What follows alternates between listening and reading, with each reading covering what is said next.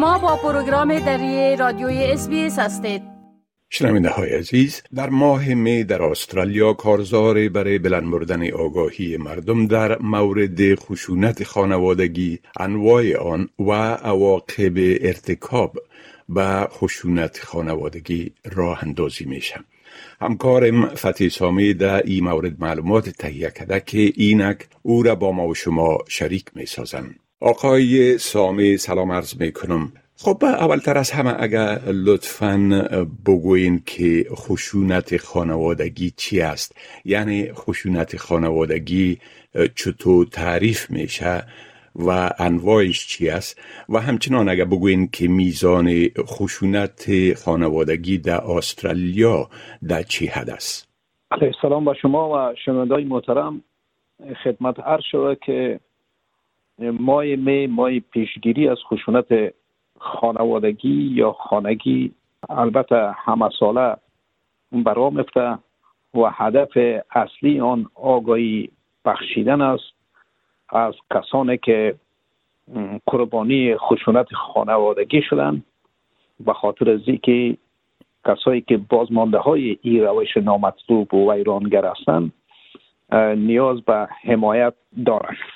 خشونت خانگی شامل رفتارهای خشونت آمیز نسبت به شریک زندگی شریک سابق یا یکی از اعضای خانواده است. فراتر از خشونت فیزیکی است می‌تواند شامل اعمالی باشد که فرد یا افراد خانواده را کنترل تحقیر و یا تعدید بکنه خشونت خانوادگی همیشه فیزیکی نیست. می‌تواند سوء استفاده مالی عاطفی یا فناوری باشد. تکنولوژی انواع مختلف از خشونت خانوادگی وجود دارد اما همه از آنها برای کنترل یک فرد و اعمال او استفاده میشه خشونت خانوادگی امکان است برای هر کس اتفاق بیفتد در هر جامعه وجود دارد. صرف نظر از سن جنسیت گرایش جنسی نژاد وضعیت اجتماعی اقتصادی مذهبی و یا ملیت. بله. آقای سامی متخصصین در این مورد چی میگن که تاثیرات خشونت خانوادگی بر افراد و در مجموع بر زندگی اجتماعی چی می باشن؟ بیشترین آسیب خشونت خانوادگی را کودکان تجربه می‌کنن که تا آخر زندگی تاثیرات منفی در اعمال و کردار و رفتار و روشان به مشاهده می‌رسه افراد جامعه را به مشکلات دچار می‌سازن ما شاهد خشونت های بسیار ویرانگر در کشورهای عقب و جنگ زده هستیم. از لحاظ تاریخی خشونت خانگی در طول شیوع ویروس های امگیر برهان های اقتصادی جنگ ها کوچ های اجباری مهاجرت ها در زندگی انسان ها تاثیرات بسیار جانکایی به وجود آورده که بعدا تاثیرات از در زندگی تجربه شده. و در این زمان هم چندان تفاوت ندارد. در سراسر جهان موارد خشونت خانوادگی در حال افزایش است. آمارهای ملی مربوط به خشونت نگران کننده است. بسیاری از قربانیان خشونت خانگی و خانواده ها هرگز تجربه خود گزارش نمیدن با گزارش ندادن این میزان خشونت بسیار بدتر و بلندتر از اوست که رسما گزارش داده میشه اما هدف و شعار اصلی و اقدام موثر و جمعی به مرتکبین خشونت خانوادگی ارسال پیام یک پیام توانمند است که هم افراد جامعه می توانند در پایان دادن به خشونت خانوادگی نقش داشته باشد چی مادر پدر خویشاوند برادر خواهر همکار معلم هم مدرسه هم سنفی اقدامات ساده وجود دارد که همه ما می‌تونیم انجام دهیم. و هو عبارت از آگاهی و روشنگری برای جلوگیری بله خب آمارها چی میگه که چی تعداد از مردم در استرالیا هدف خشونت خانوادگی قرار می‌گیرند؟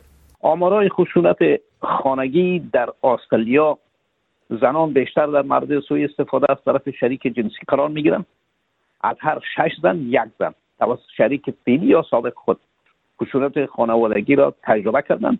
یا فیزیکی یا جنسی و یا عاطفی بوده. در حالی که برای مردان در هر 16 نفر یک نفر. 75 درصد از قربان خشونت خانواده مرد و 25 درصد زن گزارش شده. به طور کلی از هر پنج زن یک نفر و از هر 20 مرد یک نفر. خشونت جنسی را تجربه کردم. به طور متوسط هر نو روز یک زن و هر ماه یک مرد توسط شریک فیلی یا سابق کشته میشن. بسیاری در دوران کودکی خشونت خانوادگی را تجربه می‌کنند. از هر شش زن یک نفر و از هر نو مرد یک نفر. حد از 15 سالگی آزار جسمی یا جنسی را تجربه کرد بنابراین تقریبا 2.5 میلیون بزرگسالان استرالیایی در دوران کودکی خود سوء استفاده را تجربه کردند و اکثریت مجرم می‌شناسند و چندین بار مورد سوء استفاده کردند به این خاطر البته تاثیرات بسیار منفی در زندگی اجتماعی و شخصی افراد به جا می‌گذارد. و خشونت خانوادگی در جامعه بومی استرالیا بدتر است از سایر جوامع افراد دارای معلولیت معیوب هستند یک اشاره هشت برابر بیشتر از دیگران در سال گذشته خشونت فیزیکی جنسی را از طرف شریک زندگی خود تجربه کردن بله. خب گفتم می‌تونین که چی سازمان ها و نهادهای برای قربانیان خشونت خانوادگی کمک فراهم می‌کنه و قربانیان به چی جاهای می‌تونن برای گرفتن کمک مراجعه کنن؟ به خاطر از که اینها کمک گرفته بتونن گروه های افاظتی وجود داره و این گروه های افاظتی عبارت از DHS یک سازمان برای افاظت کودک و خانواده هاست و از طرف دیگه پلیس که در اونجا در تماس میشن بعد از به DHS معرفی میشن و DHS برشان همر دادگاه یا کورت می‌گیره و در او صورت کوشش میشه که از این جلوگیری شود دیپارتمنت خدمات بشری اون را افراد متخصص و که وظیفهشان همیست که باید خانواده هایی که مورد حضیت قرار می‌گیرن یا خشونت جنسی قرار می‌گیرن خشونت خانوادگی چی اطفال و چی سالا باشه هم برشان جای پیدا می‌کنن و هم محفوظ نگاهشان می‌کنن و از طرف دیگر راهنمایی میشن تا زمانی که مصالحه بینشان صورت بگیره یا از طریق روانشناسی یا از طریق احکام دادگاه و کورت و مشکلشان حل بله. خب مردم معلومات بیشتر در این مورد از کجا به دست آورده می‌تونن؟ به نظر من اگر مورد خشونت قرار می‌گیره به سه صفر زنگ بزنن و یا یک line دیگه به نام Lifeline سیزده یازده چارده و یا در MensLine به نام MensLine یک هزار سیصد هفتاد هشت نود و هفتاد هشت است و از طرف دیگه به نام ارتباط یا روابط استرالیا هزار و سیصد سیصد و شست و چهار دو و هفتاد هفت است و همچنان یک گروه حفاظتی است که این گروه حفاظتی چند ارگان که به نام ویس سلویشن آرمی و اینها یک جا در قسمت کسایی که مورد خشونت قرار می‌گیرن یک گروه حفاظتی مشترک هستند. استراتژی مشترک دارن و کمک می‌کنن به کسایی که مورد آسیب خشونت خانوادگی قرار بگیرن.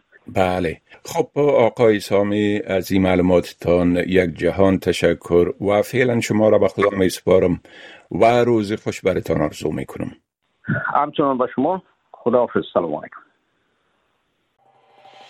می خواهید این گناه گزارش ها را بیشتر بشنوید؟ با این گزارشات از طریق Apple Podcast، Google Podcast، Spotify و یا هر جایی که پادکاستتان را می گیرید گوش دهید.